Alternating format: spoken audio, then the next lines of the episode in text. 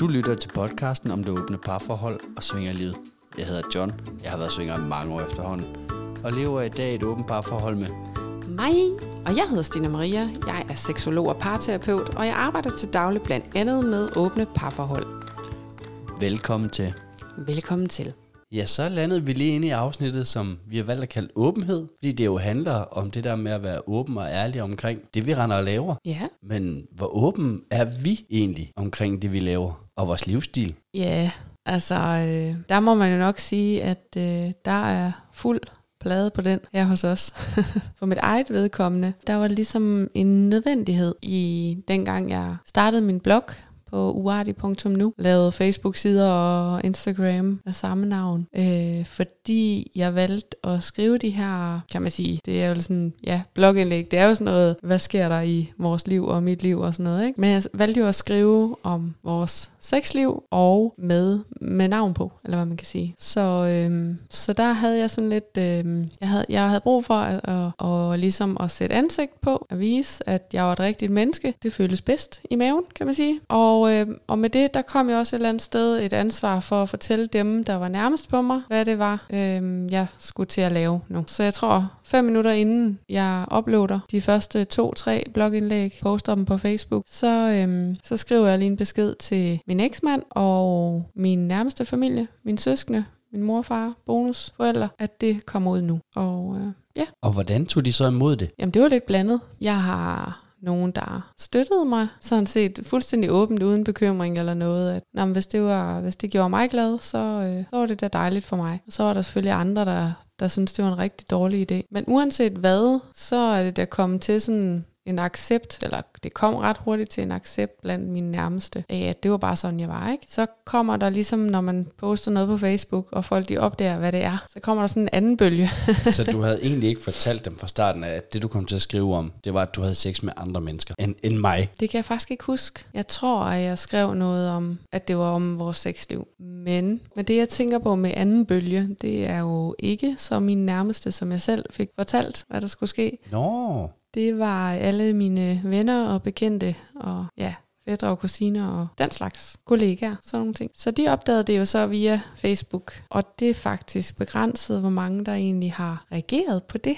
Mange har bare holdt deres mund. Nogen har taget afstand, og så er der nogle få, som jeg måske ikke havde regnet med, der kom og sagde, ej, det er da spændende, det der, du har gang i. Hvad, hvad er det egentlig for noget? Hvorfor gør du det egentlig? Så øhm, var det så mest fyre? nej, Nej. Faktisk var der ikke ret mange fyre, der spurgte til det. Nej, det var faktisk nogen, og jeg, jeg, faktisk, jeg havde meget den periode, kan jeg huske, at jeg synes, øh, fred være med folk, de dømte mig, men, men, men jeg kunne ikke forstå, hvorfor de ikke spurgte mig, hvorfor jeg gjorde det. Fordi mit hvorfor var jo, at jeg et eller andet sted gerne vil udvikle, måske på, på sigt, den her forretning, jeg er kørende, men, men rigtig gerne nedbryde nogle tabuer. Altså for mig var det det her med, prøv at høre, jeg kan stå og, og råbe om, og øh, jeg tror nogle af mine første indlæg handlede om at, at have menstruation, eller hvad jeg havde sådan noget, bløde ud over det hele, øh, mens man havde sex og var nyforelsket, og, og det der bøvl, det kunne give, ikke? Og når jeg nu kunne råbe op om det, så var det måske ikke så slemt for andre at skulle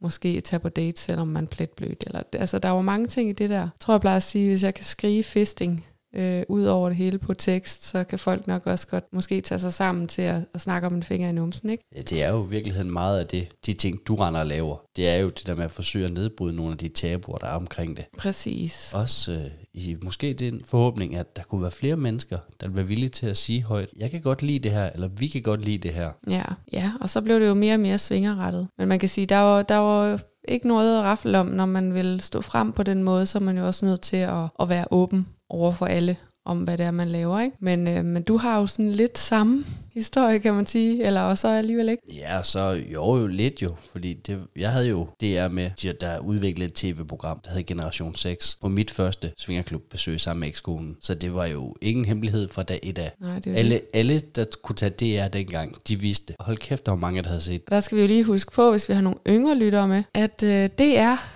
var jo en, en af de, hvad, to Ja, kanaler, man havde De to kanaler nærmest. nærmest. Jeg mindre man havde en par borg. Det er snart 20 år siden. Ja, og øh, nu er det jo så også, øh, hvad, fire år siden må det være, at, øh, at jeg udgav min blog, og så 20 år siden, at du ligesom kom ud der. Og faktisk så virker det til, at øh, lige nu her, det sidste halvår, at der er poppet rigtig mange op sådan rundt omkring på sociale medier, der gerne vil... Øh, Nå ja, folk, der gerne vil stå ved, Ja. at de svinger og Ja. har åbne forhold. Og ja, det er rigtigt. Det sidste, jeg vil sige halve hele år, ja, der er der begyndt at komme rigtig mange, der vil stå ved det, de laver. Og det synes jeg, det er fedt, at folk de gerne vil stå ved det. det kan jo sagtens være, at der har været nogen tidligere. Jeg synes bare, at øh, måske er det fordi, det sådan er i vores nærområde, eller sådan nærbekendtskabskreds, at der er flere og flere, der, der tør at speak up. Vi har jo også haft nogen her med her i podcasten, som ligesom måske ikke var så åbne, men alligevel vågede pelsen og Ja, lad både billeder og navn til. ja, Ja, som, som for første gang. som lige ville stå,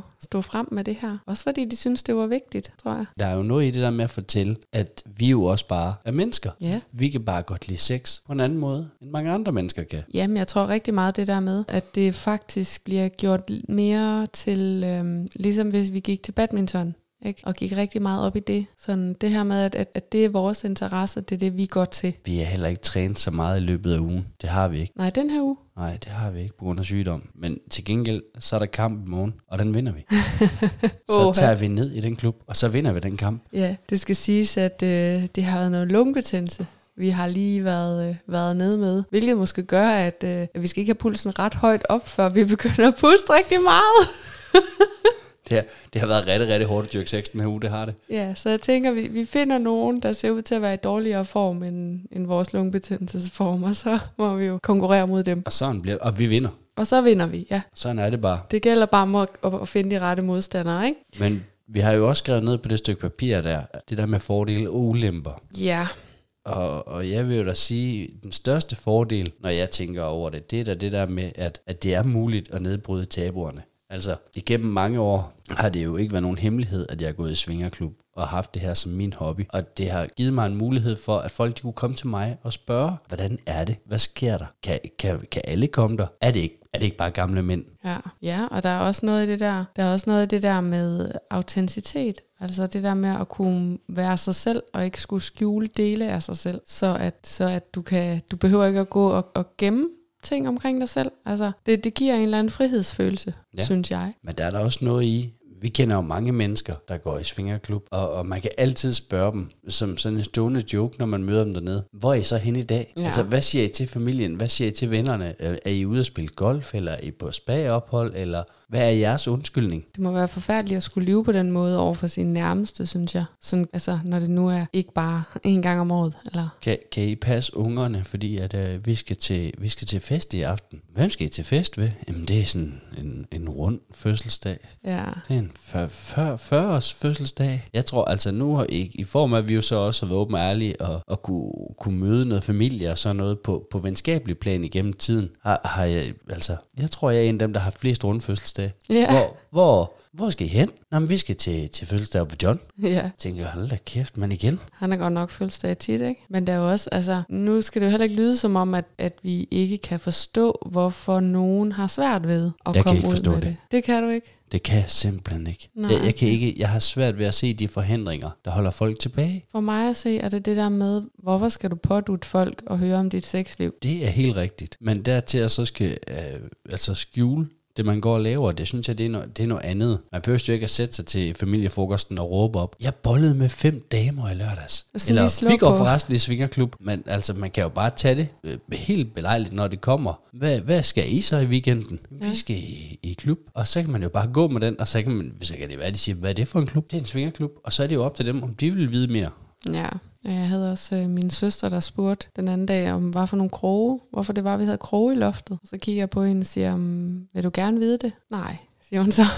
Nej, lige præcis. Så, så har man ligesom selv valgt, at man behøver ikke at presse det ned over hovedet på folk. Nej, og det tror jeg, at måske, altså det er det, jeg siger med, at jeg godt kan forstå det. Det er det, jeg mener. Fordi, hvordan er det lige, man får det sagt sådan, altså jeg tror virkelig det her med at få strategier for, hvordan man stille og roligt kan lægge det ind i en eller anden samtale. Og det er jo så også oveni, at det vil være svært ikke at føle, at man pådutter folk og høre om ens sexliv, ikke? Så det her med, at øh, hvordan fanden får jeg lige sagt, og har fucking mange nerver på, fordi hvordan bliver det taget imod, ikke? Det, det er sådan en god kombi der. Der tror jeg, det er nemmere, hvis man, øh, hvis, hvis det er den her form for øh, tøj, tøjting, man skal fortælle om. Ja, ja, men jeg, jeg synes da bare, ja, altså, det, det er ikke 0,0001% der er taget dårligt imod, at, at jeg svinger. Nej, nej, nej. Det siger jeg heller ikke. Jeg siger bare, at der er noget i mig, der godt kan forstå, hvorfor folk har svært ved lige at komme over på den anden side. Men når jeg siger det der med tøj-tingene, så det jeg mener, det er, hvis man har et åbent parforhold, eller man er polyamorøs, så tror jeg måske noget i mig tænker, at det må alligevel være lidt nemmere, fordi det alligevel handler om noget, hvor man har tøj på. Det handler om kærlighed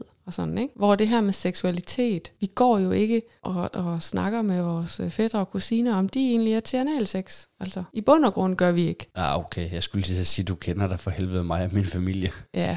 Min Andres storebror er vild med dværge. almindelige mennesker.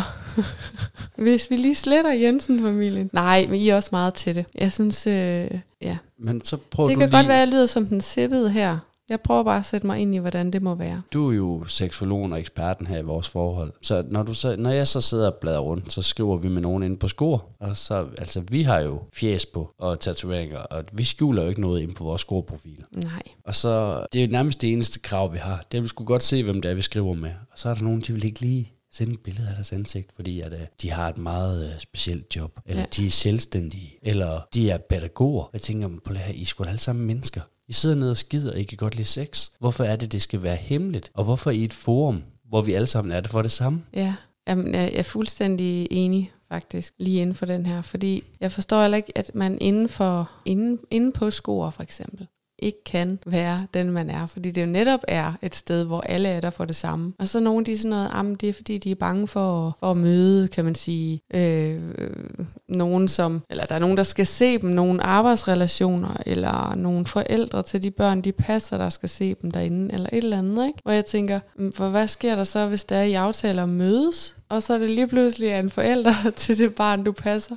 i, i børnehaven, der står foran dig. Det er sgu da mere pinligt. Jeg- Jeg synes jo i virkeligheden heller ikke, det er pinligt jo. Fordi alle har jo samme agenda.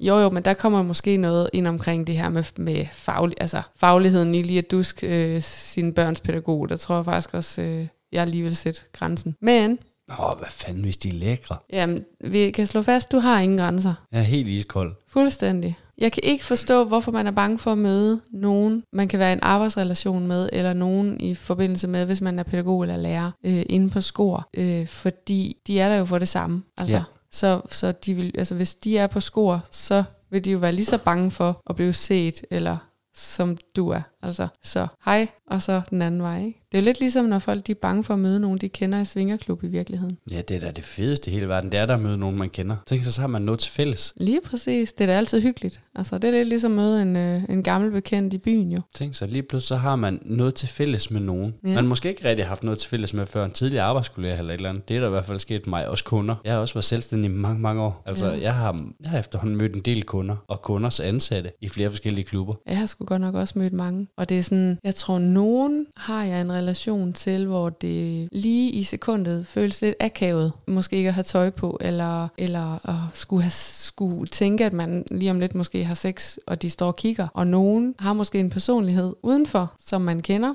og som man ikke har lyst til at være i seksuel øh, sammenhæng med. Ikke? Men, øh, men jeg synes hurtigt, altså, så bliver man sådan lidt, nå ja. Hvis de vil kigge, så lad dem kigge. Altså, Ja, så er det igen, så er det jo deres valg. Ja, ja. Så kan man jo selv sætte grænser for, om man synes, de skal nærme sig.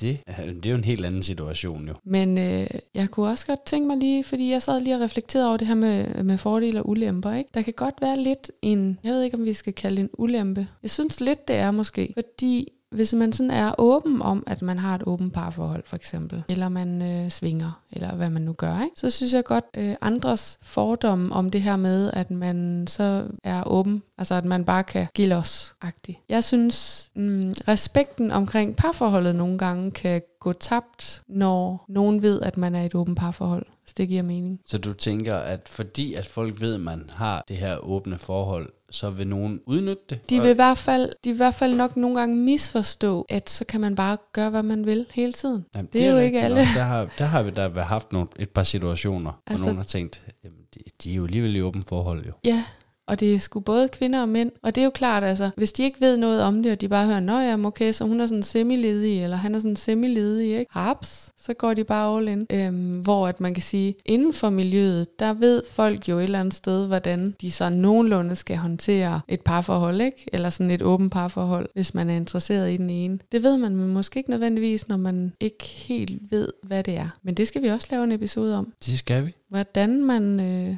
nærmer sig par. Respektfuldt. Lige præcis. Det bliver lidt spændende. Men øh, nu skal vi jo egentlig først have lyttet Ja, vi har været i Horsens og interviewe Mette. og Jakob. Jamen, øh, skal vi ikke bare øh, lytte Jo, til, jeg hvad... synes, lad os lytte til dem. De er også øh, ja, meget åben og, og lidt åben, tror jeg. Men lad os høre, hvad de har at sige. Vi er landet i Horsens, lige inden for byskiltet.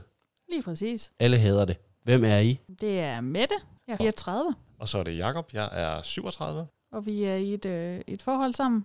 Et åbent forhold. Vi har været sammen næsten fem år. Og det åbne forhold, det kører på andet år. Ah, Og næsten tredje, tror jeg. Vi har overhovedet ikke styr på præcis sådan, hvornår vi åbnede vores forhold. Vi ved, vi ved hvornår det er sådan, det monogane forhold, det startede, men hvornår det gik fra det monogane til det åbne, kan vi simpelthen ikke huske. Det var måske sådan lidt mere flydende. ja, Ja. lidt. Der, der er i hvert fald ikke øh, sådan lige en decideret fast tidspunkt på, hvornår det, det faktisk var, det gik fra monogam til, til åbent. Det er sådan, det skete bare sådan lige pludselig. Hvordan, kan man sige, udlever I jeres åbne parforhold så? Altså for det meste, så er vi jo i øh, Svingerklub, og så har vi også haft et par private sammenkomster med nogen. Men for det meste, så foregår det faktisk nede i Svingerklubben, hvor det er, at vi, vi udlever det lige pt. Ja, og så, så tager I sammen afsted, eller? Sammen eller hver for sig. Ja. Det kommer lidt an på i forhold til hans arbejde. Åh. Og han har et arbejde, der gør, at han ikke lige kan tage afsted sådan hele tiden. Ja, det. Ja. Øhm, men for det meste så er det, vi forsøger at komme afsted sammen, og så prøver vi at lave nogle aftaler nede i, i den klub, vi kommer i, så når vi også øh, har nogle andre at mødes med, så vi ikke bare er sammen med, med hinanden dernede. Man må gerne sige navnene på klubberne. Dukan. det er Tukan, vi kommer mest i. Ja. Ja. Vi har lige prøvet øh, Svingland for første gang, da vi var på ferie. Det var faktisk meget godt, ja. Ellers Ja. så er det Tukan, vi kommer i. Ja, men det er faktisk også en fin klub, Svingland. Men det er jo Mm. lidt det her med placering også, øh, om det er på den ene eller den anden side af betalingsbroen, ikke? Ja, lige præcis. præcis. Det er ofte det, der holder folk tilbage. Ja, Ja. Det kan det godt være i hvert fald. Vi har snakket om, at vi skal prøve DS på et tidspunkt. Mm. Over på Mm. Fyn. Ja, Dark Secret, ja. Ja. Øhm, jeg kunne godt lige tænke mig at spørge os lidt ind til der, øh, hvor I sådan lidt flydende ikke lige helt ved, hvornår I har åbnet jeres parforhold, men, men kan I sådan huske, altså, hvordan foregik det dengang I så besluttede jer for at åbne? jamen øh, det var faktisk på et tidspunkt under, under corona, det første år, så vidt jeg husker, hvor at, øh, vi, var, vi var i Aarhus øh, og mødes med en af mine kammerater. Så jeg ved faktisk ikke helt, hvordan, men det, der, jeg er ret sikker på, at det var mig, der fik et spørgsmål, om, øh, om vi ikke skulle prøve at åbne det. Og så satte vi os ned og snakkede om det, om hvordan vi godt kunne tænke os, at det, at det kom til at foregå, og fik sat nogle rammer for det, og nogle regler også. Øhm, og så har det faktisk bare kørt siden der nærmest. Vi havde lige før det, der havde vi cirka et halvt år til et år før det, havde vi en snak omkring det der med åbne forhold, fordi jeg har været i et åbent forhold før, og så rent tilfældigvis den her ekskære skrev til mig, og så sad vi og snakkede om det, og han havde nogle spørgsmål omkring det der med at være i et åbent forhold, og så videre, hvordan det foregik, fordi det har han aldrig prøvet. Og så fik vi en god snak om det, og så tænkte vi, jamen, så prøver vi det andet, og så gjorde vi det i et par måneder, og så kom han og sagde, det fungerer ikke for mig det her, Det- og, så stop, og så stoppede vi det, det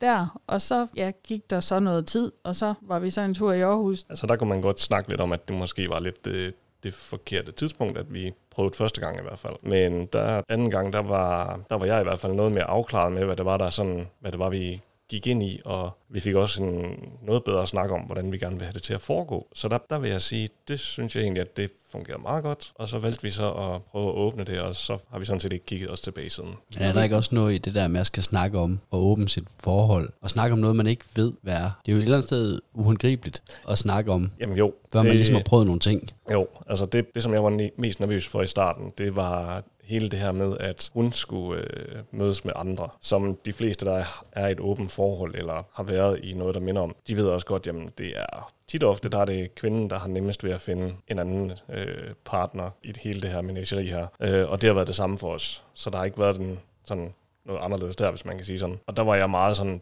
de første par gange, at det synes jeg, at det var mærkeligt, og jeg var meget nervøs, og der var mange nerver på, fordi at, hvad nu hvis det her skete, hvad nu hvis det her skete, altså det der med, at man begynder at male fanden på væggen nogle gange, hvor det egentlig ikke er nødvendigt. Men efterhånden, som vi har været i det i nogle år, så er jeg også blevet mere øh, afklaret med det, og meget mere rolig omkring det, og også når der er sådan, hun spørger, om hun må, øh, eller siger, at hun skal ud og mødes med nogen, så er jeg også blevet meget mere, nej, jamen det, det går du bare, i stedet for den der med, at man begynder at, at sidde og have nerver på, allerede inden, at der faktisk er sket noget. Så. Ja, så erfaringen ja.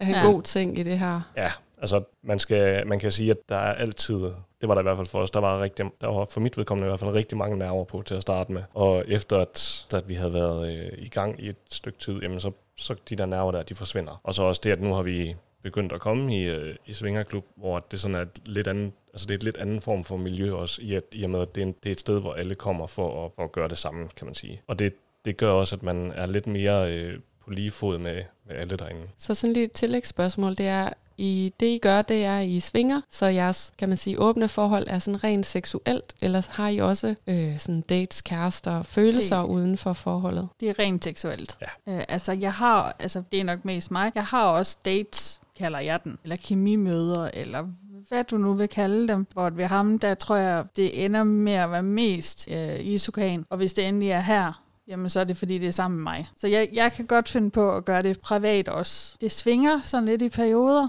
hvad, hvad jeg har lyst til. Om jeg har lyst til at skal se folk privat, eller jeg hellere vil holde det i Tukan. Men der er jo heller ikke noget, der siger, at man ikke, øh, altså at det ikke er rent seksuelt, uanset om man ser folk mange gange. Altså, Nej, nej. Ah, nej, det er jo mere... Ikke. Altså, jeg har haft en på et tidspunkt, som, øh, som jeg så i, igennem et, cirka et halvt års tid, som også, det var rent seksuelt, men det var ikke fordi, at, at jeg ikke havde nogen følelser for personen. Altså, jeg holdt selvfølgelig af personen, og det blev faktisk også en rigtig god ven. Så det udviklede sig egentlig fra at være et rent seksuelt forhold til egentlig at gå mere over i et venskabsregi. Og meget sjovt, så endte han faktisk med at hjælpe os med at flytte, da vi skulle flytte hertil. Så han har også mødt min familie, så, og de ja. ved også godt, hvem han er. Ja, fordi det er jo sådan set det, vi skal snakke om i dag jo. Ja. Det er jo det der med at være åben og ærlig omkring ens livsstil, og jo egentlig også lidt seksualitet jo. Det er jo så moderne i dag. Ja. Man skal jo helst gerne deltage i et eller andet, man har flager og fakler og fortælle. Men øh, din familie ved så altså alt eller hvad om ham. Mm. Vores næste spørgsmål her, som vi har skrevet ned. Hvem, hvem kender til jeres åbne parforhold? Altså, øh, i min familie, der er det kun min storebror og hans øh, nu kone, øh, der faktisk kender til det, sådan for alvor.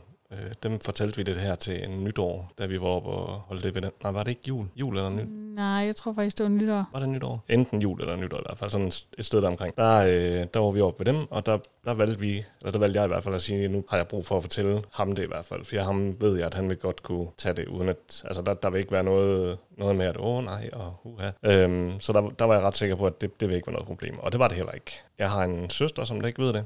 Øh, og det er mest fordi, at jeg er ikke helt sikker på, hvordan hun vil reagere på det. Og så har jeg en stærk fornemmelse af, at min kære far, han nok heller ikke vil synes, at det vil være en særlig fed ting. Øhm, Han er en anden generation. Ja, det må man sige. Men ellers så hele Mettes familie ved det mere eller mindre. Eller i hvert fald din... Ja, altså mine forældre ved det, mine søskende ved det, mine svoger og svigerinder ved det. Ja, den nærmeste Øhm. familie i hvert fald ved det. Ja, og så bliver det så spændende at se her på lørdag, fordi der skal vi mødes med hele min familie, både fædre og kusiner og onkler, tanter og så videre. Og for cirka to uger siden, der fik vi en, øh, en tatovering sammen. Sådan en par-tatovering, hvor der blandt andet er svingersymbolet i. Altså, nu siger du svingersymbolet. Så er vi nødt til at have, have fortalt, hvad er det for net? Jamen, du kan sagtens sidde og vise det der.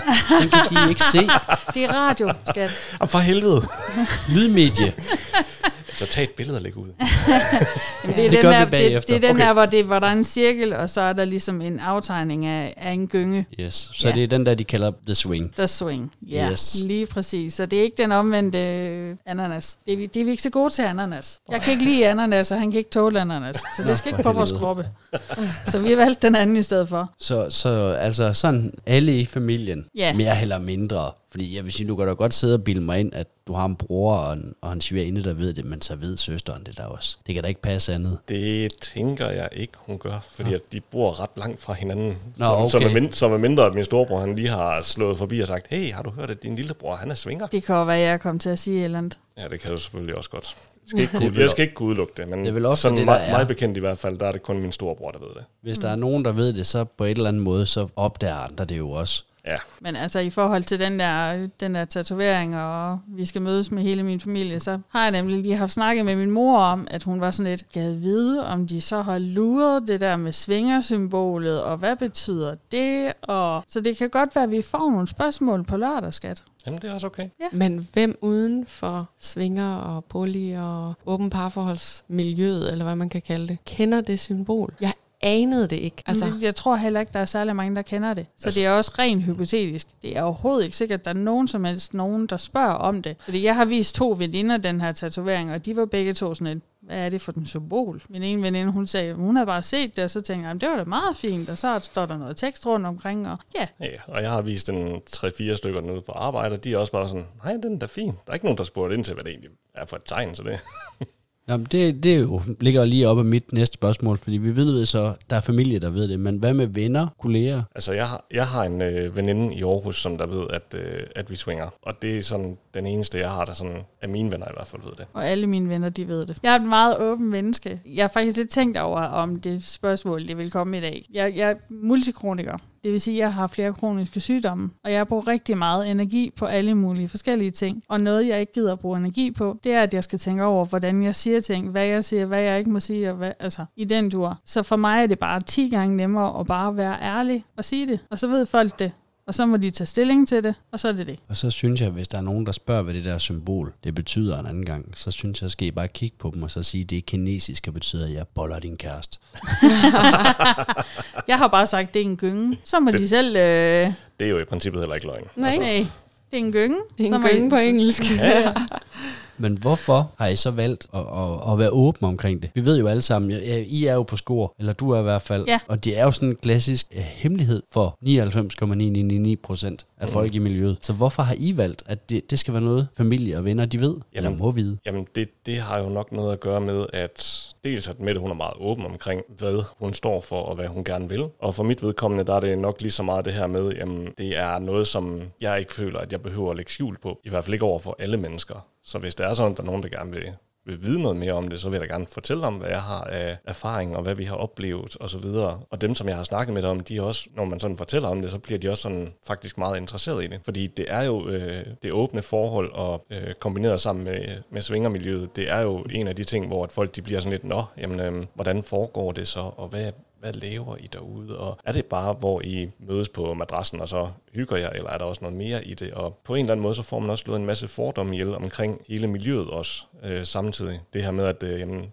når man er i et øh, åbent forhold, så er man ikke nødvendigvis også polyamorøs og elsker flere mennesker, men at man godt kan være øh, en tosomhed også, uden at, øh, at, uden at man ikke også godt kan være sammen med andre. Ja, jeg synes faktisk også tit, at jeg har en diskussion med, med folk inden fra det her miljø, eller hvad man kan sige, det er jo et bredt miljø i virkeligheden, ikke? Omkring det her med, altså hvis vi kigger på alle de her LGBT øh, plus personer, ja. hvor stort, altså og hvor meget respekt og hvor meget viden de har fået bredt ud til den, den Ja. gængse befolkning omkring det, de laver, og, og at det er meget forskelligt, det de laver, og det, de står for. Ikke? På, på en eller anden måde, så, så har de jo taget deres ansvar for at udbrede viden omkring dem, altså virkelig seriøst, ikke? og de har fandme fået det. Det men, de. men der er ikke nogen af os øh, inden for det her miljø, der er sådan, eller jo, nu begynder det mere og mere, at man står frem og fortæller om, at øh, prøv at høre, det er stille og roligt det her, men, men vi har vel også et eller andet ansvar i. Nu siger du, du kan godt lide, øh, Jacob, at, at fortælle egentlig, når folk spørger, men du har ikke fortalt det til ret mange. Nej, det har nok meget at gøre med den reaktion, som jeg også et eller andet sted forventer, at de forskellige folk, de har på det. Som jeg sagde tidligere nu, har, jeg har fortalt min storebror det, fordi at jeg ved, hvordan, hvordan hans reaktion den sådan cirka er i forhold til det. Men hvis det var sådan, at jeg ikke kender at fortælle min søster det, så ved jeg, så har jeg også en fornemmelse af, at den reaktion, jeg vil få, det vil være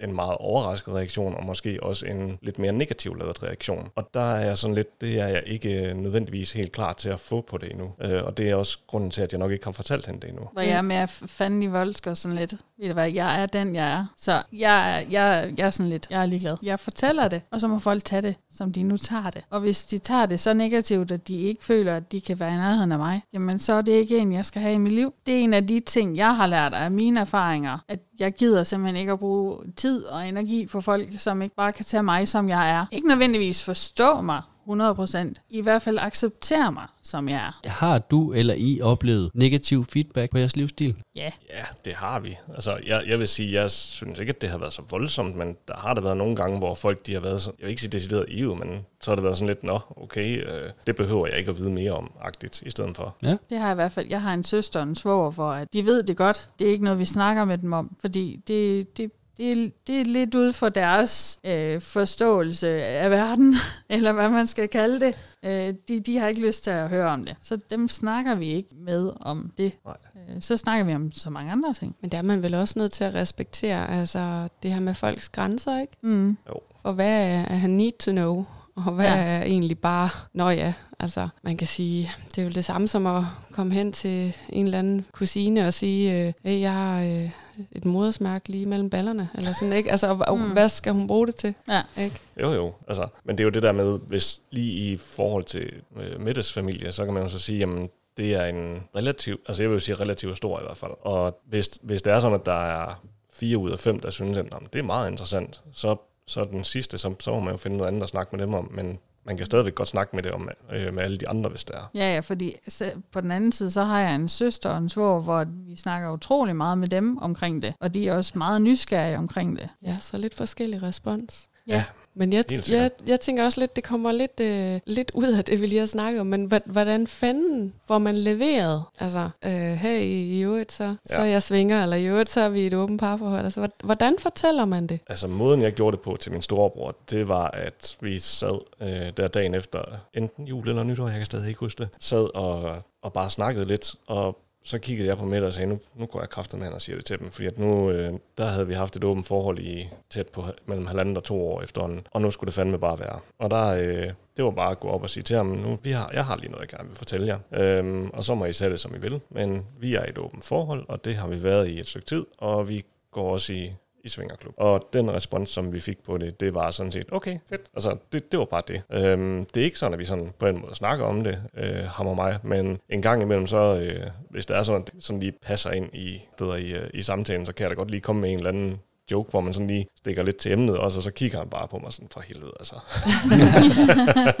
Men det er jo vel også sådan en meget, du ved, knyttende måde at sige på. Altså, jeg har faktisk noget, som er tæt på mig, jeg gerne vil dele med dig, ikke? Helt sikkert, helt sikkert. Ja. Dem, som jeg har fortalt det til, udover min, min storebror, det har også været nogen, som jeg har følt, at dem kan jeg godt sige det til, uden at de nødvendigvis synes, at det er noget, der ændrer noget på øh, tillidsforhold, som vi har. Øh, og så er der også nogen, hvor jeg ved, at hvis det er sådan, at det ikke lige er noget, som de synes er, er super fantastisk, jamen, så kan de også godt finde ud af at holde mund om det, og ikke nødvendigvis sige det videre til andre. Så i virkeligheden virker det som om, at du måske er mere sådan privat. Ja, altså jeg, jeg vil nok sige, at jeg er noget mere selektiv i hvert fald med dem, som jeg vælger at fortælle det. Også fordi, at det er, altså som der blev sagt tidligere, vi, det er en meget, øh, jeg ved ikke, om jeg vil sige tabubelagt ting stadigvæk, men det er i hvert fald noget, som folk de ikke nødvendigvis lige braller ud med. Og jeg er nok stadigvæk lidt i den gruppe også, hvor jeg synes, at jamen, det er ikke nødvendigvis alle, som jeg gerne vil fortælle det, men jeg vil stadigvæk gerne fortælle det til nogen, som jeg så ved enten vil tage godt imod det, eller nogen, som der i hvert fald godt kan finde ud af gå stille med døren, og ikke nødvendigvis øh, siger det til 300-400 mennesker sådan uden videre, hvis det er. Jeg tror også, det er derfor, at vi har det, det er for eksempel ikke offentligt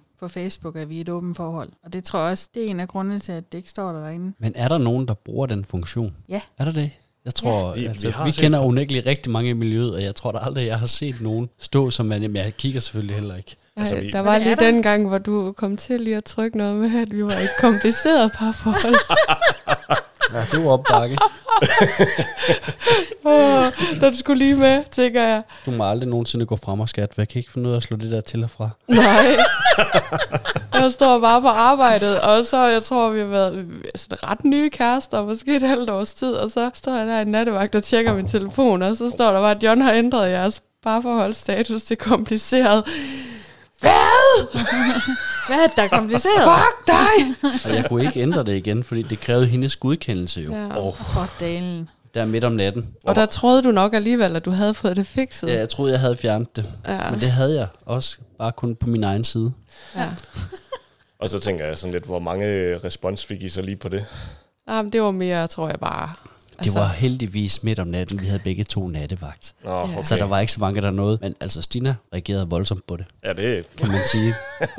Jeg kan godt blive lidt fejstig, hvis man kan sige det sådan. Nej, men så, så er det også meget public, hvis man gør det på Facebook, kan man sige. Ja, Ja. altså jeg tror, vi har set to, måske tre, som, som der har det. Og det er vist nok nogle af dem, det er vist nok nogle af dem nede fra klubben af. Det kan godt være. Ja. Det er faktisk ikke huske. Men jeg ved i hvert fald, der er nogen, der bruger den funktion. Det, Ja. bliver, det bliver rent faktisk brugt. Ja, Ja. Mm. det gør det faktisk. Men ja, altså så, så bliver det også meget offentligt. Og så, så har man sandsynligvis også sagt det til alle dem, som man kender, at man er i et åbent forhold, inden at man gør det. For ellers så skal de dele med nok opdage det i hvert fald. Men det, er jo- det er jo det, jeg tænker med, det der med at, at tro, at man kan fortælle det til nogen, og så alle ikke opdager det. mm. Man kan også sige, nu sidder du her, og selvom vi er en relativt ny podcast, så har vi faktisk ret mange lyttere. Ja, men altså, Du har fortalt, hvor gammel du er. Ja. Vi ved, du er fra Horsens. ja. Jamen altså, jeg vil sige, hvis der er sådan, der er nogen der fra min familie, der lytter med, nu ved I det. Sådan. Og der, Jeg kan også sige, at du, du øver dig lidt. Altså, det er sådan, jeg ser det. Du øver dig lidt på at sige det til nogen. Ja. mm, Kommer de med positiv respons og accepterer og er søde, ikke? Altså, så bliver man sgu også mere modig. Jamen, det gør man helt sikkert. Men altså, jeg vil, jeg vil jo sige, altså, ja, nu sidder jeg her øh, meget offentligt, kan man sige. Øh, og ved ikke, om der er nogen fra min familie, der faktisk lytter med til det her. Øh, fordi det er, ikke, det er ikke sådan lige noget, som, som sagt, det er ikke noget, som jeg har snakket med dem om. Men igen, altså, i tilfælde af, at de lytter med, så, så finder de ud af noget, og så kommer der helt sikkert en masse spørgsmål lige pludselig. Altså, hvis det endelig skulle være, så skulle det være din svoger Dan. Det kunne jeg godt forestille mig. Åh, oh, shit. Altså, I bliver overrasket over, hvor mange ikke svingere og folk, der ikke er i åben forhold, der lytter med. Okay. Ja, fordi man er jo nysgerrig. Ja, Ja. Og det er Jamen, det- hyggeligt at høre om, og det er meget personligt. Jamen, det er Jeg, jeg har været utrolig overrasket over, hvor mange lyttere vi har fået udenfor. Uden for selve miljøet. Ja. Mhm. Ja. Men Det hvad er så dejligt. på sådan en arbejdsplads som din? Nu kan jeg forstå, at du har jo alligevel en del kolleger. Jeg er en 6, 7, 800 efterhånden, er det sådan noget. Hold kæft. Og når I så sidder, ja, nu tænker jeg, I sidder nok alligevel ikke alle sammen i frokoststuen samtidig, men lad os så sige, I sidder ved en, en, en bordrikke, og, og Svend Bent, han sidder og fortæller om hans campingferie i weekenden, og han kigger på dig, og han siger, hvad, hvad, med, hvad med dig med det? Hvad lavede I i weekenden? Jamen, øh, vi var på, øh, hvad de kalder det, spa-ophold, kalder de det dernede? Nå, okay. Der, der er øh, mange af dem, som der kommer dernede, de, øh, de tager på et, øh, på et hotel i Kolding, er det vist nok. Er det ikke i Kolding, der ligger det hotel, der er Jo. tilknyttet? Ja. Hvor, de så, øh, hvor der så er en øh, taxa, der kommer og henter dem, og så bliver man så kørt derud, og så kommer der så en taxa og henter en igen. Og der bliver det reklameret som, at det er et spa-ophold. Og det kan man jo sådan set også godt, fordi at der er jo både boblebad, og der er varmvandsbassin, og der er massagestole, og der er... Så jo, hvis du, hvis du bare er nede i den afdeling, så kan man godt sige det, men ellers så laver du jo sandsynligvis også noget andet. Så det er et spagophold, når du... Ja, et, um, snakker med ja, nogen, ja, eller også så har vi været i klubben. Okay, Og så- og det er så, så- nogen, der kender det, eller hvad, der ved det. Nej, det, det kan også bare være nogle af dem, så siger jeg, at jeg har været på klub, og så, Ja. og så snakker vi ikke rigtig mere om det. Så kan det være MC-klub, eller Det kan- disco, eller Det, det kan være hvad som helst. Altså, strikkeklubben, betangklubben. det, Er, er, du, er du klar til den dag, Svend Bent, han kigger på dig og siger, nu har du snakket om den klub der. Hvad er det for en klub? Månedvis. Hvad er det? Hvad fanden er det for en klub? Er du klar til at, til at svare? ja, Ja. for det, øh, det, det har jeg gjort et par gange allerede derude. Altså, der er nogen, der ved det. Ja, ja. Det er faktisk der, også- der er en 3-4 stykker derude, der ved det. Jeg tænker også, det er en fin måde at levere den på, ikke? Og i stedet for at sige, at jeg går ud og svinger med min dealer hver weekend, ikke? Så faktisk Ej, bare sige, at vi kommer i klubben. Nå, men, og så Jo, kan folk selv spørge, og så kan man sige, vil du gerne kende svaret, ikke? Ja, ja. Jamen, altså, det, det var jo sådan, jeg tror, det var den første, som, øh, som der sådan, til, som der, hvor jeg sådan havde sagt til hende, jamen, så, så går vi i klub. Og så, det, det var lige der omkring slutningen af, af corona, sådan, der blev hun sgu sådan lidt for nysgerrig, og så, så sidder hun sådan, jamen, hvad, hvad fanden er det for en klub? Og så, så spurgte jeg også bare, er du sikker på, at du gerne vil vide det? Fordi jeg er ikke sikker på, at du kan lide svaret. Jamen, hun vil gerne vide det. Jamen, fint, vi går i svingerklub. Nå, og så skulle hun lige bruge 5 sekunder på lige at, at fordøje det, og så, så hun sådan, jamen hvor længe har I gjort det så? Og så kommer alle de der spørgsmål der jo, som, ja. som der jo nu engang gør. Og så, så øh, altså, hende og mig, vi kan godt snakke om det nu, uden at det er noget problem. Og der har vi da, altså vi, vi kan godt snakke om det sådan, også hvor vi sådan, nå, men skal I så afsted den her weekend her? Jamen, det, det kan godt ske, vi skal det. Nå, om, øh, om vi så har, om der er nogen, vi så skal mødes med dernede, og sådan, altså hun, hun, hun kan godt lide at, at stille spørgsmålene og sådan spørge ind til det. Og der er også en af dem, som en af de andre, som jeg har snakket med derude, han har også sagt, at han kunne da godt tænke sig, at han måske skulle med en gang, hvis det var. Mm. Så der, er- altså, der er også øh, mange af dem, som der, udover at være nysgerrige på det, faktisk også godt kunne tænke sig måske at prøve at komme afsted og faktisk få et lidt nærmere indblik i, hvordan det egentlig foregår. Og det er jo det, man kan, når man fortæller åbent om tingene, ikke? Mm. Jeg synes, jeg synes faktisk lige, altså, man skulle lige uh, slå et slag for den der måde. Jeg synes faktisk, det er en virkelig fin måde, det her med bare at sige, at man tager i klub. Mm. Og så kan folk selv spørge. Så kan man jo Ja. i virkeligheden også spørge, vil du vide det? Ja. Vil du vide, hvad det er for en klub? Ja. Øh, og så har de lige en, en mulighed mere for at trække sig. Altså, Mm. I stedet for, at man kommer og siger, øh, altså, jeg knaller en 4-5 forskellige mænd øh, hver weekend, eller sådan, ikke? Og Mm. wow, info, jeg ikke havde brug for.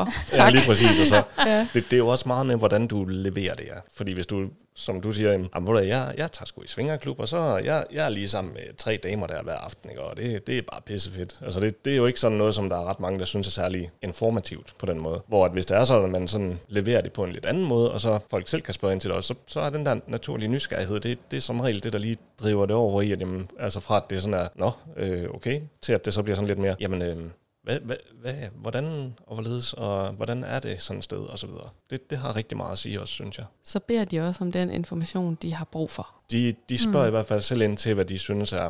ja. interessant eller vigtigt i hvert fald i forhold til det, som de lige har fået at vide. Jeg har været lidt mere kikset, når jeg har fortalt det.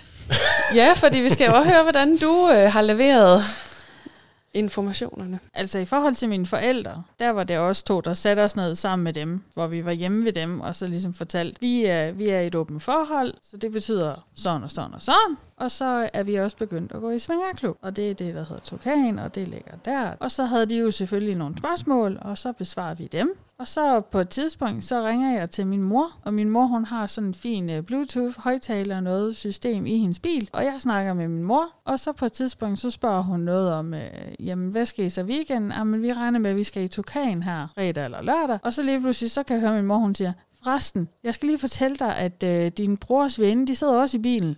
Tak, mor. Og du er på nu- højtaler. Du er på med. Du er på med. Du er på med, og du, det hele bilen kan høre dig. Det var sådan, min bror og svigerinde fandt ud af det. Så det var sådan et. Så spurgte min mor, hvordan ser det ud i hovedet? I siger ikke så meget. I ser Åh. lidt chokeret ud. Nå, jamen, så ved de jo ligesom det. Ja. Det er derfor altid, når jeg tager telefonen i bilen, Ja. hvis jeg har andre, så starter jeg altid med at præsentere mig, og Ja. så fortæller jeg folk, at de er på medhør, og hvem der Ja, er, lytter lige med. præcis. Ja, Lige præcis. præcis. Men øh, det skal så lige siges også, at dengang, da vi sagde det til hendes forældre, der no, en af reaktionerne, det var også, jamen det var okay, og det var fint, så længe at vi bare var glade og stadigvæk elskede hinanden, så var der ikke noget der. Jeg har nogle meget, meget utrolig søde forældre, som altid, altså min mor, hun sagde på et tidspunkt, så længe du ikke bliver narkoman eller alkoholiker, så er jeg faktisk fuldstændig ligeglad, så længe du er glad. Ja. Så de, de er meget nede på jorden, åbne, tolererede. Sådan, hvordan har du ellers leveret øh, denne information til? Nu har vi sådan Øh. lige din nærmeste familie, men hvordan Ja. fortæller du det ellers? Altså til mine veninder, det var faktisk til sådan en venindehyggeaften, jeg havde her, hvor det, jeg tænkte, nu er, vi, nu er vi samlet alle sammen. Og så øh, sagde jeg, at øh, jeg havde lige noget, jeg gerne ville fortælle dem. Jeg er en alder, hvor at man gerne begynder at få børn, hvis man ikke har børn i forvejen. Så de var alle sammen sådan, er du gravid? Er du gravid? Er du gravid? og jeg var sådan, nej, det er så ikke det. Men jeg vil bare gerne lige fortælle, at vi var begyndt at komme i svingerklub. Og så var de sådan lidt, nå, ja. Og så kom der lidt forskellige spørgsmål. To af mine veninder, de var meget hurtige til at sige, jeg vil med. Hvornår skal vi afsted? Hvorfor sidder vi her? Øh, og jeg har faktisk også haft en af dem med i Tokan. Sådan. Og var det der, hvor øh, ja, det var noget julefrokost, var det ikke? Jeg tror, det var noget julefrokost eller sådan Ja. en anden stil. Der var jeg blevet sparket afsted alene, for at, øh, for at jeg var ude af huset. Det ligger jo også lidt op af, du har lynhurtige veninder, der gerne vil med. Og du er faktisk lidt i tvivl med, at, altså, hvor meget vennerne ved, og hvor meget de vil vide. Ja. Mm. Og det, vi, vi snakker jo en del om det. Hvis I tænker, jeg er 10 år tilbage i svingermiljøet, så var der et overvæld af mænd. Mm. Ja, Fordi rigtig meget. vi, vi holdt det for os selv, vi talte ikke om det. det. Det var der ikke nogen, der gjorde. Nu begynder der at være noget åbenhed. Vi mænd er stadigvæk ikke ret gode til at sige til vennerne, jeg går i svingerklub. Hold da kæft, man. Jeg havde tre damer i weekenden eller et eller andet. Men pigerne er pissegod til den der venindesnak, og Mm. pissegod til at være sådan noget, ej, det lyder hyggeligt, men I er ikke med. Og pludselig, så kommer der en mand, han har måske taget en ven med, men der kan godt komme fem veninder sammen mm. i Ja, klub ja. på en aften, ikke? Ja, Mm. Og pludselig så er vi i undertal. Mm. Ej, ja, jo. er det en dårlig ting? Øhm, nej, overhovedet ikke. Det, Det er fucking hårdt. øh, Det er jo Ja, det er sådan en eller jo. anden ting. I, I kan jo nægteligt tage meget mere, end vi kan jo. Ja, det er jo det. Ja, i Tukan, der sigter de som regel efter en fordeling, der hedder 40-60 i forhold til mænd og kvinder. Øh, Så 40% kvinder og 60% mænd maksimalt. Og så har de jo så også nogle aftener, hvor det er par og piger. Så der er der jo så per definition overflod af kvinder. Jeg har oplevet mixaftener i Mm. den klub, hvor der var flere piger, end der var mænd. Og, Og det så har er jeg faktisk oplevet flere gange. Men det tror jeg også, det bliver mere og mere, altså især øh, single kvinder, fordi at de føler, at det er et trygt sted at komme, og kvinder har altså også en vis sexlyst Det var da ikke og nogen, der- fantasier og fetisher, og jeg skal komme efter dig. Så øh, Men vi er jo så også ja. unægteligt nødt til altså, jo at blive biseksuelle, fordi øh, efterhånden så er der så få mænd dernede. Nej, Nej siger men det er jo godt, det. vi kan lege sammen Ja. så. ja, I, I kunne jo også bare lige slå jer sammen to og to per mand, og så få opfyldt en hel masse drømme der. Nå jamen, det gør man jo så også, men så er man jo også lidt nødt til at... Der vil sige, den, på lige præcis den konto, der gør vi rigtig meget. Ja. Det, jeg synes, der skal ikke, altså, et nydeligt par skal ikke ligge ret lang tid, før jeg har kastet Stina under den bus der. Så der må du lige... Nå, men jeg synes da også, vi tager vores share of ladies Ja, det gør vi. ind. Men altså, det, det vi jo jagter med det, det er jo, det er jo fordi, vi ved, at du har en Instagram-profil jo.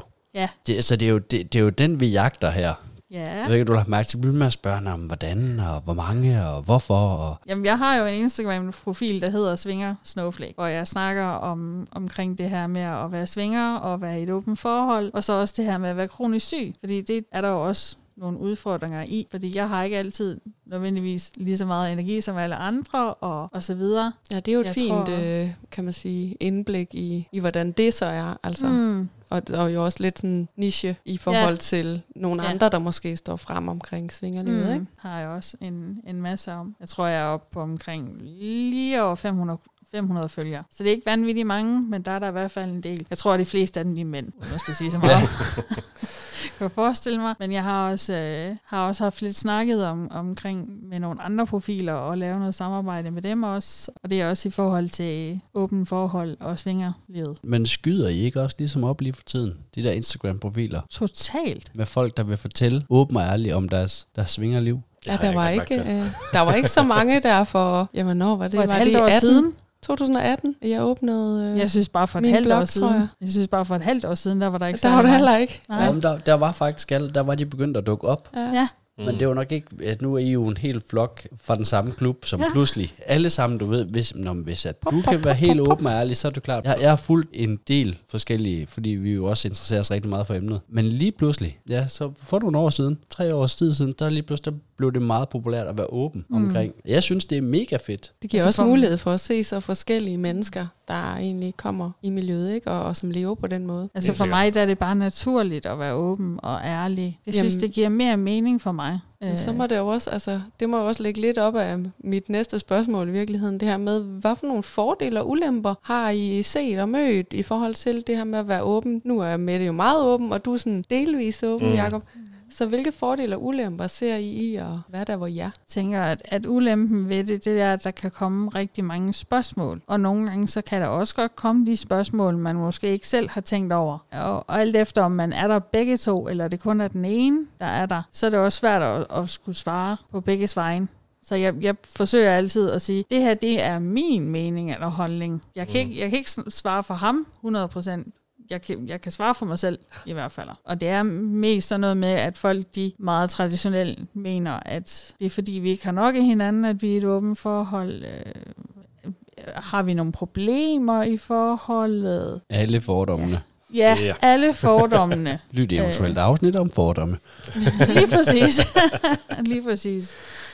Hvor jeg synes, fordelen ved at være åben, det er, at for mig kan jeg slappe af mm. i det. Jeg kan slappe af. Jeg har friheden til at kan være 100% mig selv. Og jeg føler ikke, at jeg skal censurere mig selv eller lægge bånd på mig selv. Så det er rigtig meget energi, jeg ikke skal bruge på det. Så det fungerer bare 10 gange bedre for mig. For mit vedkommende, der vil jeg sige, at den ulempe, som der er ved det, det er, at man støder stadigvæk ind i rigtig mange fordomme, øh, især på nettet. Mm. Øhm, jeg har haft en score-profil. Den har jeg ikke lige nu, fordi at jeg synes ikke, for det første, det giver ikke rigtig noget for mig lige nu. Og derudover så har vi, vi har lige været til fotografer for taget nogle billeder, som jeg gerne vil have lagt op, inden at jeg ligesom starter igen med den. Men inde på min profil, der står der, at jeg er i et åbent forhold, at, altså, øh, og at de kan gå ind og, og finde hende, hvis det er. Og der har jeg fået et par henvendelser fra nogen, som der var sådan lidt, jamen du er jo ikke et åbent forhold, du er bare ude efter noget andet. Og så bliver man sådan lidt, jamen nej. Men det er jo faktisk en fordom inde i miljøet, Ja. fordi der jo I- faktisk er Jamen, mænd, det- der opretter parprofiler, for eksempel. Mhm.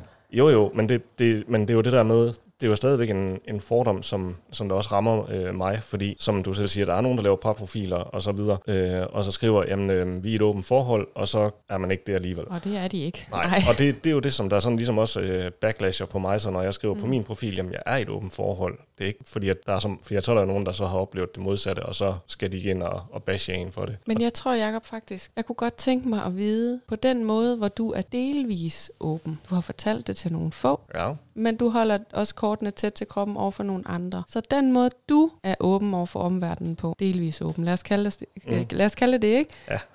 Hvilke fordele og ulemper har det? Fordi det er jo modsat med, det synes jeg faktisk kunne være spændende at høre. Jamen altså, man kan jo sige, den største ulempe er jo, at der er nogen, som man skal, man skal, man skal lige huske på, at der er nogen, som der ikke ved det endnu, og som man ikke, heller ikke nødvendigvis har lyst til at vide det. Så dem skal man være lidt mere varsom over for, hvad man sådan lige snakker om. Nu er det ikke sådan, at jeg sådan snakker om, om det her på daglig basis med mine kollegaer eller noget. Det er kun lige, når vi står alene, og de så lige har nogle spørgsmål, hvis der er. Så det er ikke sådan, at jeg sådan står og snakker inde i øh, kantinen højt og åbent om det på den måde, fordi så skulle alle skulle nok få det at vide. ja. Men der skal, man skal lige være lidt mere forsigtig i hvert fald en gang imellem. Man kan jo så sige, at fordelen der er, at du kan være lidt mere øh, selektiv om, hvem det er, du egentlig synes behøver at vide det. Også fordi, at det har også, for mig i hvert fald, der har det noget at sige, om det er en, som jeg føler, jeg kan betro mig til, øh, og som jeg også føler, jeg kan snakke med om det, eller om det er en, som jeg føler, okay, jeg kan måske sige det en gang, og så behøver vi ikke at snakke mere om det. Så der, der er helt klart også nogle fordele og ulemper ved at, ved at være luk, lidt mere lukket om det, som jeg er. Men ja, Præcis. Altså, jeg synes, det var meget fedt nu, I var så forskellige lige at få, Ja, få det Mm. forskelligt øh, frem. man kan også sige, at vi kommer også meget forskellige baggrunde i forhold til det, fordi jeg har været i et åbent forhold før, så jeg har jo også prøvet en hel masse ting, og det var en, jeg mødte, hvor personen fra starten af sagde, hvis du vil være sammen med mig, så er det et åbent forhold, fordi det der med, at han skulle binde sig til en person og være monogam, det kunne han ikke finde ud af. Var der- han vandmand? Jamen, jeg ved ikke, hvad det var for noget. øh, Du har, du har læst et eller andet. Nej, jeg har læst et eller andet med stjernetegn, hvem, hvem man er i et parforhold. Og jeg er vandmand, og det var sådan et eller andet med, øh, øh, tag min frihed, og jeg skrider. Eller så. Ja, det var sådan noget den stil. Altså generelt så er vi to ret forskellige personer. Til gengæld så det vi har til fælles, det er, at vi rigtig godt kan lide at snakke. Så ja. vi kommunikerer utrolig meget og snakker utrolig meget. Og det har vi altid gjort, lige fra starten. Også før vi åbnede vores forhold. Og det er jo så også en af grundene til, at vi godt kan det her åbne forhold også. Det er, at vi er gode til at kommunikere og gode til at snakke om tingene, hvis det er, at der er et eller andet, som, som vi føler, vi gerne lige vil, vil vende en gang. Nu med det, hun skal mødes med en her på et eller andet tidspunkt. Jeg tror ikke, det er blevet aftalt endnu 100%. Nej. Men der skal de så overnatte oppe i fængslet. Og der, øh, der har vi, øh, vi, da vi åbnede forhold, der lavede vi nogle, nogle regler, ligesom så mange andre de også gør. Øhm, men vi har så også snakket om, og også aftalt, at jamen, de regler, det er nogen, som vi gerne skal bibeholde i et vis omfang, men de er ikke øh, regler, de er ikke mere regler, end at vi godt kan snakke om, at vi måske kan få lov til at omgå dem en gang imellem. Det er lidt en vejledning. Ja. ja i form. Yes. Jeg tror, Ja. jeg kalder det guidelines en gang imellem. Ja. Ja. Det lyder Øhm, meget rigtigt. Og, og en af dem, det var, at øh, vi var, at øh, vi skal ikke overnatte ude ved, ved andre. Øhm, men der har, jeg, der har jeg så valgt at sige, jamen okay, det er fængslet, det er ikke sådan, at der er nogen, der er på hjemmebane på den måde, hvis man kan sige sådan. Så det har jeg sagt, jamen det, det kan hun godt få lov til. Så det, Derfor kan der stadigvæk godt ske en masse ting. ja ja, det var der heller ikke nogen, der sagde noget om. Det er også det er sundt at mærke efter. Ja, ja. Ja, ja. Lige mærke, hvor man er henne. Ja, Mm. men det, der, der har det sådan lidt, jamen der er ikke nogen, der har en hjemmebanefordel, der er ikke nogen, der sådan på den måde øh, sover hjemme, hvis man kan sige det sådan. Øhm, så der, der vil jeg sige, det synes jeg er fint nok. Den, øh, den, den har vi også øh, vendt og snakket om, og det, det har jeg sagt, at det er okay. Så de skal bare have fundet en dag, hvor de, hvor de kan komme derop og så, få, så at sige, få det ud af systemet. Ja da. Men øh, hvis vi lige skal vende øh, kort tilbage til emnet her, fordi vores tid den tigger, stille og roligt kan jeg se. Ja. Så øh, skal vi have fundet ud af det her med at være åben og ærlig, både på arbejdspladsen, familie, venner, Instagram. Er der altså noget, I vil anbefale andre? Personligt, ja. Nå, men det var dejligt kort. jeg, jeg tror lige, vi skal have en lille uddybning på det også, skat. Nå, du vil gerne have en uddybning. Ja, tak. ja. ja, altså det ligger jo bare til min personlighed, det der med at være åben. Og jeg tror, jeg tror, jo mere åbne vi kan være i vores liv, jo mindre tabuer vil der også være. Fordi jeg har, altså, jeg har jo flere steder i mit liv, hvor der er ting, som der er tabuer. Jeg har blandt andet en sygdom, som utrolig mange mennesker føler er et tabu, og ikke vil snakke med nogen om. Og jeg tror bare ikke, at det er vejen frem. Jeg tror ikke, det gør os til bedre hele, hele mennesker, hvis vi går og gemmer på en hel masse forskellige ting. Jamen, der er Så vi jo jeg- lidt tilbage i det der med, at altså, hvis, ikke, Ja. hvis ikke vi snakker om det, så Ja. bliver det jo aldrig mindre tabu, vel? Nej, Nej. lige præcis. Så, jeg, så jeg, er sådan, jeg er jo sådan lidt fremad. Men jeg er også sådan en, der tager til Pride og går med flag og råber og er sådan, woohoo! Så Yes. ja. Så du tager lidt sådan alle mulige... Du er åben om alt, kan man sige det? Også. Altså nu, nu jeg, jeg er biseksuel, så jeg er også en del af LGBT. Nå, ja, ja, men hvis Men- det giver mening, du er åben omkring øh, Ja. ja. dine sygdomme og dit liv og Mit liv din, og min dit seksualitet, sexliv. og, ja, min Ja. seksualitet, og ja, så jeg er bare generelt et utrolig meget åbent menneske. Så, så, så det kan du anbefale, fordi det giver dig Jeg synes, det giver mig frihed. godt svar. Hvad med dig?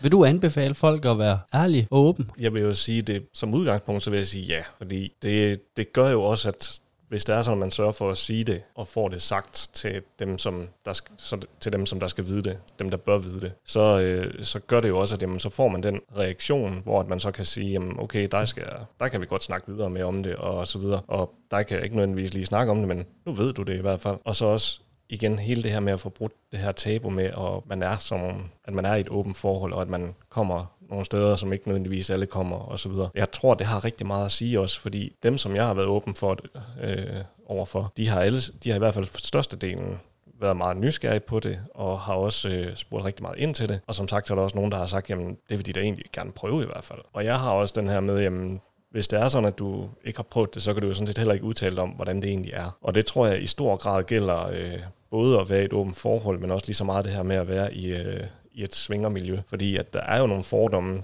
som der stadigvæk hænger ved, og nogle tabuer, som der også stadigvæk er der, og hvor folk de har, en, har deres tanker om, hvordan det foregår. Øhm, så derfor, hvis det er sådan, at man kan fortælle folk det på en, på en god måde, og sørge for, at de ligesom får et, et andet syn på det også, og så, så kan man jo faktisk godt få nogle af dem, ikke nødvendigvis med på vognen, for det tror jeg stadigvæk, at det er en ekstremt svær ting, men man kan i hvert fald få dem oplyst så meget, at de ikke går og tænker, okay, han, øh, han har fire andre kvinder ud over, ud over sin kæreste, mm. og render, render rundt ved dem hele tiden og opfører sig som om, at han er øh, mormon. Altså det, Så i virkeligheden, så får vi brudt nogle af alle de her fordomme, hvis vi er mere åbne. Er det det? Ja. ja, ja. Det allervigtigste ved at være åben og ærlig, det må Mm. jo være, at øh, hvis du skal have passet ungerne, så skal du ikke til at lyve. For helvede mand, alle de mennesker, der kommer i det miljø, der fylder familie og venner mm. med løgn. Hold kæft, mm. jeg gad det ikke. Men, Nej, men det det, er jo også det, bare... det er også sådan, jeg har det. Altså, at skulle bruge så meget energi på det. Hvad var det? Var det der, der var nogle af dem, som vi mødtes med dernede, de fik deres yngste børn passet af de ældste børn. Ja, Mm. Og så på et tidspunkt, der de ældste børn, de skriver til dem, mens de er nede i klubben, og de skriver så tilbage, og så de havde ikke lige tænkt over, at øh, der altså er en, øh,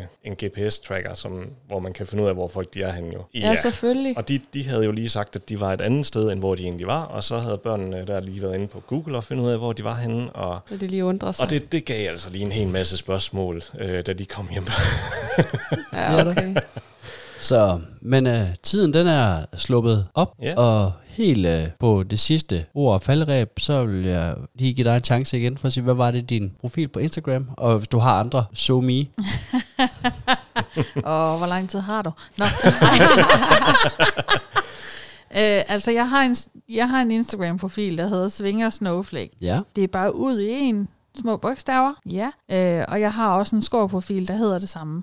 Okay. Ah, men Ja. det er så Det skulle, være til, at- det skulle da være til at finde ud af. Ja, ikke også? Og så kan jeg så øh, fortælle, at nu har du lige fortalt os, inden vi gik i gang, at øh, du jo så også er med alene i Svinger Svinger. podcasten. podcasten. Svinger podcast, ja. Ja, så kan de jo lytte med over Ja, på jeg Svinger ved- jeg ved podcasten, og så jeg dukker ikke- du op. Ja, jeg ved ikke 100% hvornår det er, men jeg er ret sikker på, at jeg er det sidste afsnit i den sæson, der kører lige pt. Tak fordi I var med. Mange tak. Det var så det, vi havde denne gang med emnet åbenhed. Og øh, der talte vi med Mette og Jakob. Vi har lov at tage et par billeder af de der tatoveringer, der bliver omtalt, og dem har vi selvfølgelig lagt op på vores Instagram-konto. Det åbne parforhold med dobbelt A. Ja, og derinde der kan du også finde informationer om min nye bog, som handler om det åbne parforhold. Og øh, der har vi mange af de her emner, vi har i podcasten med i bogen. Og så er der også en masse konkrete værktøjer til at få et vellykket parforhold, åbent eller ej. Næste gang har vi taget en snak med Bonnie og Christian omkring det der med at score par. Hvordan man nærmer sig par respektfuldt og på en fin måde. Mm. Så vi håber, vi lyttes ved. Jeg vil lyttes ved.